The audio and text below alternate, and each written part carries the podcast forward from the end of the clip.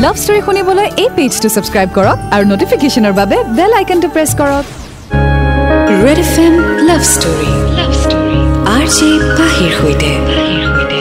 Superhits ninety three point five red F এমত সময় হৈ গ'ল weekend special show' red F M love ষ্টৰীৰ আৰু এটা নতুন লাভ ষ্টৰী লৈ মই বাহি আকৌ এবাৰ আপোনাৰ কাষ চাপিলোহি। আজি যিখন চিঠি হাতত লৈছোঁ সেই চিঠিখন পঠিয়াইছে পলাশে।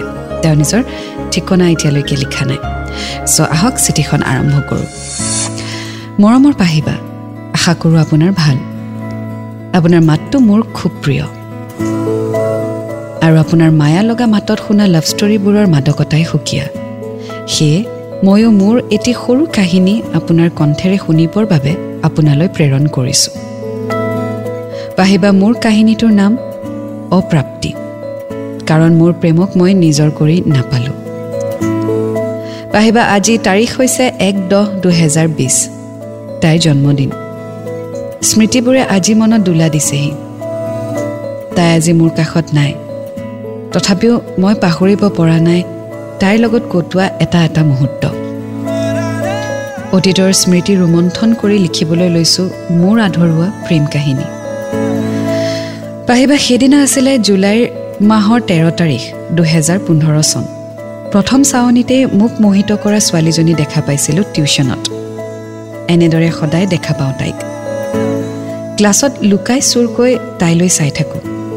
তাইৰ অকণমানি সঁহাৰি এটাই মোৰ বুকুত জোৱাৰ সৃষ্টি কৰে। মোৰ কি হৈছিল নাজানো। সকলো সময়তে মই তাইকে মনত পেলাবলৈ ধৰিলোঁ। তাইৰ মুখখনে বৰকৈ আমনি কৰিব ধৰিলে। তাইক দেখাৰ আগলৈকে বুকুখন ধপ ধপ কৰি থাকে। হয়তো এয়াই প্ৰেমৰ লক্ষণ। চ' আগুৱাই গৈ থাকিম আজি ষ্টৰীৰ সৈতে and ninety three point five red F M বাজাতে ৰহো। Red F M love story love story R J পাহিৰ সৈতে। Superhits ninety three point five red F এমত মই আছোঁ আপোনাৰ সৈতে Pahi and welcome back to weekend special show' red F M love story আজি শুনি আছোঁ পলাশৰ লাভ ষ্টৰী অপ্ৰাপ্তি। আগতে তেওঁ লিখিছে এদিন কওঁ নকওঁকৈ লগৰ এটাক ক'লোঁ যে ছোৱালীজনী মোৰ পচন্দ হৈছে। সিও লগৰখিনিৰ আগত কৈ দিলে। কথাষাৰ গৈ তাইৰ কাণতো পৰিলগৈ। তাই মোক আগৰ দৰে নোচোৱা হ'ল। মোৰো তাইৰ চকুলৈ চাবলৈ লাজ লগা হ'ল। এদিন লগৰবোৰে তাইক জোকাই আছিলে। মোৰ কথা কৈ কৈয়ে তাই তেতিয়া কোৱা শুনিলোঁ যে প্ৰেমৰ কথা আনৰ হতুৱাই নহয় সঁচা প্ৰেম কৰাৰ সাহস থাকিলে নিজে আহি ক'ব লাগে। কথাষাৰ শুনি যিমান আনন্দ পালোঁ তাতোকৈ বেছি ভয় লাগিল কাৰণ তাইৰ সন্মুখত কথা কোৱাৰ সাহস নাই। তথাপিও সাহস গোটাই পিছদিনা টিউশ্যনৰ পৰা ঘূৰি আহোঁতে তাইক ৰখাই একে উশাহতে মনৰ কথাবোৰ কৈ দিলোঁ। তলমূৰ কৰি ৰৈ দিয়া দেখি তাই সুধিলে নিজে ক'ম বুলি ভাবিছিলোঁ আচলতে কিন্তু সাহসটোৱে হোৱা নাছিলে। ঠিক কোৱা এতিয়া তেতিয়াহ'লে? বেলেগৰ আগত গাই ফুৰা যে? বেলেগৰ আগত গাই ফুৰা নাই আচলতে মোৰ অৱস্থাটো দেখি তাহাঁতি গম পাইছিলে। কিনো ক'ম আৰু তুমি চব জানাই দেখোন। ইমান দিন এইখিনি কথা ক'বলৈ সাহস গোটাব নোৱাৰিলা? কি হ'ব? এই বুলি কৈ চুলিখিনি চুই তাই গুচি গ'ল। লৰালৰিত ফোন নম্বৰটো লোৱা নহ'ল। চ' পলাশে অৱশেষত নিজৰ মনৰ কথাখিনি ছোৱালীজনীৰ আগত প্ৰকাশ কৰিলে।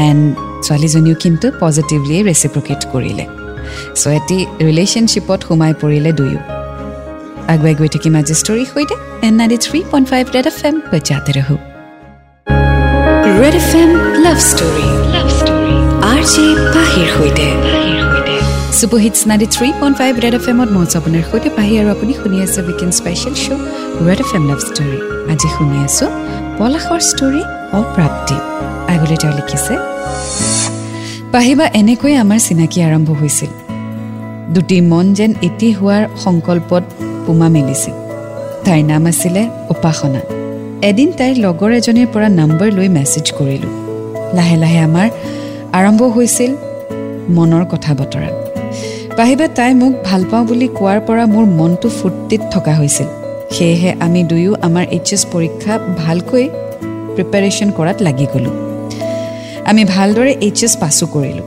আৰু মই শিৱসাগৰৰে এখন কলেজত আৰু তাই প্ৰগতি নাৰ্ছিং হোমত এডমিশ্যন ল'লে। আগৰ দৰে লগ নাপাম বুলি ভাবি দুখো লাগিছিল যদিও ভৱিষ্যতৰ কথা ভাবি একো নক'লোঁ। চ' তেওঁলোকৰ ৰিলেশ্যনশ্বিপ স্মুথলি চলি গৈ থাকিলে। এইচ এছ পাছ কৰাৰ পিছত দুয়ো বেলেগ বেলেগ কলেজত এডমিশ্যন ল'লে and both were career conscious so' আগলৈ কি হয় এই ষ্টৰী জানিবলৈ অকণমান অপেক্ষা কৰক and ninety three point five F M বাই জাতে ৰহো red F M love story love story আজি পাহিৰ সৈতে ৰেড এফ এমত মই আপোনাৰ সুধি পাহি এণ্ড ৱেলকাম বেক চলি আছে weekend special show' Red FM love লাভ ষ্টৰী শুনি আছোঁ পলাশৰ ষ্টৰী অফ প্ৰাপ্তি আগলৈ তেওঁ লিখিছে হোষ্টেলত প্ৰথমতে মোবাইল ব্যৱহাৰ কৰিবলৈ দিয়া নাছিলে যদিও লাহে লাহে মোবাইল ব্যৱহাৰ কৰিলে। তথাপিও আমাৰ কথা পতা কমেই হৈছিলে। কিন্তু মৰম কমা নাছিলে। কেতিয়াবা ভাৱ হয় চকুৰ আঁতৰ হ'লে মনৰো আঁতৰ হয় কিন্তু আমাৰ ক্ষেত্ৰত তেনে হোৱা নাছিলে। এনেদৰে খং অভিমান এসাগৰ মৰমৰ মাজেৰে আমাৰ সম্পৰ্কটো দুটা বছৰ সম্পূৰ্ণ কৰিলে। মোৰ এটা বেয়া স্বভাৱ আছিলে। মই পাণ মছলা গুটখা খুব খাইছিলোঁ। এইটোক লৈ আমাৰ প্ৰায়ে কাজিয়া হৈছিল। তাই কয় মই মৰি গ'লেও চাগে তুমি এইবোৰ এৰিব নোৱাৰা। তেতিয়া মই তাইৰ মুখত হাত দি কৈছিলোঁ যে তুমি মোৰ জীৱনৰ প্ৰথম প্ৰায়ৰিটি গতিকে তোমাৰ কাৰণে মই সকলো এৰি দিম। এনেকৈ কোৱাত তাই কান্দি দিছিলে। ৱেল প্ৰেমত মানুহে বহুত কিবা কিবি কৰিব পাৰে। যিটো হয়তো নিজৰ কাৰণে আপুনি নকৰে সেইটো ভালপোৱা মানুহজনে কৰিব ক'লে কিন্তু কৰিবলৈ মনো যায় আৰু এটা শক্তিও পোৱা যায়। চ' ঠিক তেনেকুৱাই হৈছিল পলাশ আৰু উপাসনাৰ ক্ষেত্ৰতো। চ' আগুৱাই গৈ থাকিম আজি ষ্টৰীৰ সৈতে। And ninety three point five red F M বজাতে ৰহো। Red F M love story superhits ninety three RJ পাহিৰ সৈতে। চলি আছে weekend special show' red F M love story আজি শুনি আছোঁ পলাশৰ ষ্টৰী অপ্ৰাপ্তি আগলৈ তেওঁ লিখিছে পাহিবা হয়তো তাইক হেৰুৱাৰ ভয় নে কি নেজানো তাইক মই অলপ শাসন কৰিবলৈ লৈছিলোঁ সকলোতে ওলাই যাবলৈ নিদিছিলোঁ গ'লেও মোক কৈ যাবলৈ কৈছিলোঁ বেলেগৰ লগত মেছেজ কৰাটো মই বিচৰা নাছিলোঁ তাইক হেৰুৱাৰ ভয় আছিল এইখিনি এনেদৰে সম্পৰ্কটোৱে তিনিটা বছৰ অতিক্ৰম কৰিলে। পাহিবা আমাৰ সম্পৰ্কৰ হেঙাৰ আছিলে আমাৰ দুয়োখন ঘৰ। আমাৰ ঘৰ দুখনে এই সম্পৰ্কটো কেতিয়াও মানি নলয়। তাইৰ এইটো কথাত মন মাৰি থাকে যদিও বুজাওঁ মই তাইক যে ঘৰত মই সকলো বুজাম। এইবোৰ চিন্তা বাদ দি পঢ়াত মন দিবলৈ তাইক মই কৈছিলোঁ। First October two thousand nineteen তাইৰ জন্মদিন। সেইদিনা লগ পোৱাৰ কথা আছিলে। তাই আৰু তাইৰ বান্ধৱী সকলোকে লগ পালোঁ আমি ফূৰ্তি কৰিলোঁ। দুয়োটাই বহুত সময় কথা পাতিলোঁ। এনেদৰে তাইৰ ডিউটি মোৰ কলেজৰ মাজেৰে চাৰিটা বছৰ সম্পূৰ্ণ কৰিলে আমাৰ সম্পৰ্কটোৱে। চ' কিছু আপছ এণ্ড ডাউনছৰ মাজেৰে ৰিলেশ্যনশ্বিপ চলি থাকিলে পলাশ আৰু উপাসনা। ৱেল যেতিয়া আপুনি ৰিলেশ্যনশ্বিপত সোমাই যায় ডেফিনেটলি আপোনাৰ সেই মানুহজনৰ প্ৰতি অধিকাৰ আছে। কিন্তু ৰিলেশ্যনশ্বিপত স্পেচো বহুত প্ৰয়োজন। যিদৰে আপুনি আপোনাৰ ফ্ৰেণ্ডৰ লগত টাইম স্পেণ্ড কৰে ঠিক তেনেদৰে আপোনাৰ প্ৰিয়জন তেওঁ নিজৰ ফ্ৰেণ্ডৰ লগত টাইম স্পেণ্ড কৰিবই। তাত আপুনি হেঙাৰ দিলে নহ'ব। অঁ কিছুমান এটা লিমিটেশ্যন ডেফিনেটলি আহি যায় ৰিলেশ্যনশ্বিপত সোমালে। বাট ডেট ডাজেণ্ট মিন যে কোনোবা আপোনাৰ লাইফত অহাৰ লগে লগে তাই নিজৰ লাইফত থকা মানুহখিনি বা সি নিজৰ লাইফত থকা মানুহখিনি পাহৰি যাব। You can be a part of that relationship but don't take him or her away from other so' আগুৱাই গৈ থাকিম আজি ষ্টৰীৰ সৈতে and ninety three point five red F M বজাতে ৰহো red F M love story love story R J পাহিৰ সৈতে ninety three point five red F এমত মই আপোনাৰ সৈতে পাহি আৰু আপুনি শুনি আছে weekend special show' red F M love story আজি শুনি আছোঁ পলাশৰ ষ্টৰী অ প্ৰাপ্তি আগলৈ তেওঁ লিখিছে পাহিবা তাইক হেৰুৱাৰ ভয়ত মই আজিকালি কাজিয়া নকৰোঁ তাইৰ লগত তাইক শাসনো নকৰোঁ। মুক্ত মনে থাকিবলৈ দিওঁ। কিন্তু মই লাহে লাহে অনুমান কৰিলোঁ যে তাই কিবা এটা চিন্তাত থাকে। মোৰ পৰা আঁতৰি থকা যেন অনুভৱ হয়। এদিন সুধিলোঁ কি হৈছে? তাই উত্তৰত একো হোৱা নাই বুলিয়ে কয়। তথাপিও তাইক বুজাই আঁতৰি আহিলোঁ। পাহিবা মোৰ লাহে লাহে অনুভৱ হ'ল যে তাই মোক এভইড কৰিছে। লাহে লাহে কথা পতাও কমাইছে। এদিন তাই ফুৰিব গ'ল মোক নজনোৱাকৈ। মই ফোন কৰি সুধিছিলোঁ কাৰ লগত গৈছে। তাই তেতিয়া মোৰ জনাত প্ৰয়োজন নাই বুলি কৈ ফোনটো কাটি দিলে আৰু মোক ইগন'ৰ কৰিলে। চ' অলপ চেঞ্জেছ আহিছে উপাসনাৰ এটিটিউড আৰু বিহেভিয়াৰত আৰু সেই চেঞ্জেছ কিয় আহিছে সেইটো হয়তো আমি এইখন চিঠি পঢ়ি উলিয়াব নোৱাৰিম। কাৰণ ওৱান ছাইডেড ষ্টৰী শুনি কেতিয়াও আমি এজন মানুহক জাজ কৰিব নোৱাৰোঁ। তাই কি অশান্তি পাইছিল বা তাইৰ মনৰ কথাখিনি কি? সেইখিনি তাইৰ পৰা গম পালে হয়তো আজি আমি কথাখিনি বুজিব পাৰিম। কিন্তু যেতিয়া এজন মানুহে নিজৰ কথাখিনি কয় তেতিয়া ডেফিনেটলি মানুহজনে নিজৰ ভুলটো কেতিয়াও দেখা নাপায় বা স্বীকাৰ নকৰে। তেওঁ এইটোৱে দেখুৱায় বা এইটোৱে ভাবে যে মই তাইক বা তাক বহুত মৰম কৰিছিলোঁ কিন্তু সি বা তাই আঁতৰি গ'ল। কিন্তু তেওঁ কি অৱস্থাত কি মনৰ অৱস্থাত আছিলে এইটো ৰিলেশ্যনশ্বিপত সেইটো হয়তো আমি ছেকেণ্ড মানুহজনৰ পৰা শুনিলে বুজি পালোঁ হয়। চ' এতিয়া উপাসনাৰ ক্ষেত্ৰত কি হ'ল সেইটো হয়তো আমি নাজানো। কিন্তু চেঞ্জেছ আহিছে। সেইখিনি আমি বুজিব পাৰিলোঁ। চ' আগুৱাই গৈ থাকিম আজি ষ্টৰীৰ সৈতে and ninety three point five red F M বজাতে ৰহো red F M love story R J পাহিৰ সৈতে। Superhits ninety three point five red F এমত মই আছোঁ আপোনাৰ সৈতে। পাহি আপুনি শুনি আছে weekend special show' red F M love story আজি শুনি আছোঁ পলাশৰ ষ্টৰী অ প্ৰাপ্তি আগলৈ লিখিছে দুহেজাৰ বিছ চন সোমালে। আগৰ দৰে কথা পতাও কমিলে। মই বৰ অশান্তিত দিন পাৰ কৰিছোঁ। এদিন ৰাতি ফোন কৰিলোঁ তাই ৱেইটিঙত আছিলে। আৰু এনেদৰে সদায় মোৰ ফোন ইগন'ৰ কৰি তাই ৱেইটিঙত থাকে। পাছদিনা ফোন কৰি তাইক গালি দিলোঁ সুধিলোঁ তাইক কাক বিচাৰিছে। কিন্তু তাই একো উত্তৰ নিদিলে। আমাৰ কথা পতা বন্ধ হ'ল। কেইদিনমানৰ পাছত আকৌ ফোন কৰিলোঁ। তুমি তেনেকৈ ক'লে কেনেকৈ হ'ব? কোৱাচোন ইমান দিনৰ পৰা একেলগে আছোঁ ভালকৈ আছোঁ চবেই জানে আমাৰ কথা। মোটামুটি গোটেইখিনিয়ে গম পাইছে কলেজত। এতিয়া তুমি কথা কিবা এটা ভুল দেখিছে যদি কোৱা কিবা বেয়া পাইছে যদি কোৱা আমি মিলি ঠিক কৰি ল'ম ন? মোৰ আৰু এইটো সম্পৰ্কত থাকিবলৈ মন নাই সেইটোৱে কথা। আৰে তুমি সেইটো কথাতে কিয় লাগে? আৰু কিবা এটাতো কাৰণ থাকিব ন? আমি মিলাই লওঁ। চোৱা তুমি নহ'লে মই কেনেকৈ থাকিম কোৱা অকলে? তোমাৰ লগত আৰু মোৰ কোনো কথাই নাই। বাই।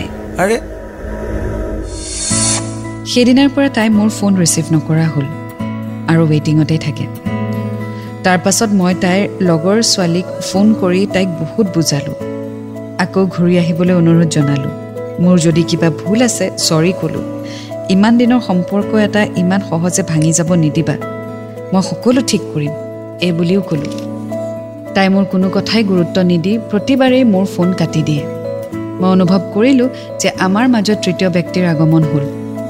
তাইক এতিয়া আৰু মোৰ প্ৰয়োজন নাই। মই নিজে নিজে বহুত কষ্ট কৰি তাইৰ পৰা আঁতৰি আহিবলৈ চেষ্টা কৰিবলৈ ধৰিলোঁ। চ' এটা থাৰ্ড পাৰ্চনৰ এণ্ট্ৰি হৈছে পলাশ আৰু উপাসনাৰ ৰিলেশ্যনশ্বিপত মানে এই ৰিলেশ্যনশ্বিপটো সিমান ষ্ট্ৰঙেই নাছিলে যে এজন থাৰ্ড পাৰ্চনৰ এণ্ট্ৰি হ'ব পাৰিলে। ৱেল পলাশৰ ভুল বুলি মই নকওঁ বা উপাসনাৰ ভুল বুলিও নকওঁ। এই ৰিলেশ্যনশ্বিপটোৱে ভুল আছিলে। সেইকাৰণে হয়তো আজি থাৰ্ড পাৰ্চনৰ এণ্ট্ৰি ইমান সহজ হৈ পৰিলে। আজি যদি এটা ৰিলেশ্যনশ্বিপ ষ্ট্ৰং হয় তেতিয়াহ'লে হাজাৰ মানুহ আহক সেই ৰিলেশ্যনশ্বিপটোত এবাৰ না কৈ দিলে আৰু সেই ব্যক্তিজন সোমাব কেতিয়াও নোৱাৰে। কিন্তু যদি আপোনাৰ ৰিলেশ্যনশ্বিপত লুপ হোলছ আছে দুয়ো ফালৰ পৰাই বা উইকনেছ আছে দুয়ো ফালৰ পৰাই তেতিয়াহ'লে থাৰ্ড পাৰ্চন ডেফিনেটলি সোমাব পাৰিব। আৰু যদি থাৰ্ড পাৰ্চন সোমাব পাৰে তেতিয়াহ'লে এটা কথা সদায় ৰিয়েলাইজ বা মন কৰিব বা মনত ৰাখিব যে আপোনাৰ ৰিলেশ্যনশ্বিপটোৱেই ষ্ট্ৰং নহয়। আৰু সেইটো ৰিলেশ্যনশ্বিপত থকাৰ কোনো যুক্তিও নাথাকে। চ' আগুৱাই গৈ থাকিম আজি ষ্টৰীৰ সৈতে and ninety three point five red F M বাজাতে ৰাখোঁ। Red F M love story love story R J পাহিৰ সৈতে। Superhits ninety three point five red F এমত আছোঁ আপোনাৰ সৈতে পাহি আৰু আপুনি শুনি আছে weekend special show' red F M love story আজি আমি শুনি আছিলোঁ পলাশৰ ষ্টৰী অপ্ৰাপ্তি। শেষত তেওঁ লিখিছে তাই যে প্ৰেমৰ অভিনয় কৰিলে এইটো বুজিলোঁ। কিন্তু মোৰ কি ভুল আছিল আজিও নুবুজিলোঁ। মই প্ৰায়ে অকলে থাকিবলৈ ল'লোঁ। মনবোৰ ভাল নলগা হ'ল। নিজক বুজাই লৈছিলোঁ। তেনেতে এদিন প্ৰায় এমাহৰ পাছত তাইৰ ফোন আহিলে। আৰু তাইক ক'লে হেল্ল' পলাশ। মোক আৰু তুমি ফোন নকৰিবা। তোমাক এটা কথা ক'বলৈ ফোন কৰিছিলোঁ যে এতিয়া বেলেগ কোনোবাই তোমাৰ স্থান লৈছে। চ' তুমি আৰু মোক কেতিয়াও আমনি নকৰিবা ৰিকুৱেষ্ট কৰিলোঁ। বাই পাহিবা মই স্তব্ধ হৈ গ'লোঁ। চকু পানী বৈ আহিছিল মোৰ। মই মাত্ৰ এটা হুমুনিয়াহ পেলাই কৈছিলোঁ তুমি সুখী হোৱা মই আঁতৰি দিছোঁ। সেইদিনাৰ পৰা মই এই সকলোবোৰ ত্যাগ কৰি নিজৰ কামত মন বহুৱাবলৈ চেষ্টা কৰিছোঁ। এই কাহিনীটো লিখাৰ উদ্দেশ্য হ'ল মোৰ বন্ধুসকলে মোৰ এই আধৰুৱা প্ৰেম কাহিনীটো জানিব বিচাৰিছিলে।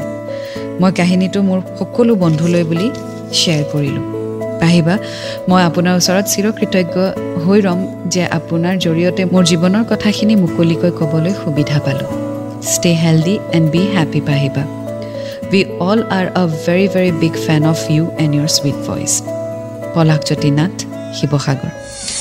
Well thank you Palash. তুমি তোমাৰ ষ্টৰি শ্বেয়াৰ কৰিলা। আৰু য়েছ ৰিলেশ্যনশ্বিপত যেতিয়া ভইড থাকে বা খালী জেগা থাকে সেই খালী ঠাই পূৰণ কৰা মানুহজন যদি আহি যায় তেতিয়াহ'লে ৰিলেশ্যনশ্বিপত থাৰ্ড পাৰ্চনৰ এণ্ট্ৰি হৈ যায়।